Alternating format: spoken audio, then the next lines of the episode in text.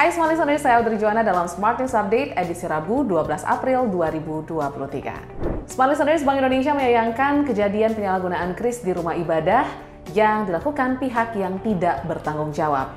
Atas penyalahgunaan tersebut, Bank Indonesia telah berkoordinasi dengan penyedia jasa pembayaran agar kris yang disalahgunakan tidak dapat lagi menerima pembayaran agar tidak merugikan masyarakat dan pengelola rumah ibadah di mana dikatakan Direktur Eksekutif Kepala Departemen Komunikasi Bank Indonesia Erwin Haryono bahwa untuk menghindari kejadian serupa, Bank Indonesia mengimbau masyarakat, PJP dan pedagang untuk bersama-sama meningkatkan keamanan dalam bertransaksi menggunakan kris.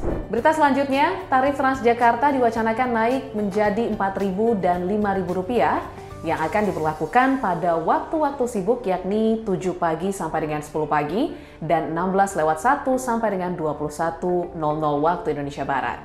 Usulan kenaikan tarif ini disampaikan oleh Dewan Transportasi Kota Jakarta menilik belum adanya perubahan sejak tahun 2007. Kepala Dishub DKI Jakarta, Syafrin Liputo mengatakan rencana kenaikan tarif Transjakarta baru di tahap survei. Dengan kenaikan ini diharapkan bisa menjadi bahan evaluasi PT Transjakarta untuk bisa memperbaiki pelayanan menjadi lebih baik lagi. Berita terakhir, Wakil Presiden Maruf Amin mendorong agar RUU tentang perampasan aset hasil tindak pidana dapat segera dibahas pemerintah dan juga DPR. Terlebih RUU tersebut telah masuk program legislasi nasional prioritas tahun 2023 dan Ma'ruf pun mengatakan salah satu urgensi adanya RUU perampasan aset untuk mengoptimalkan pemulihan keuangan negara dari suatu tindak pidana.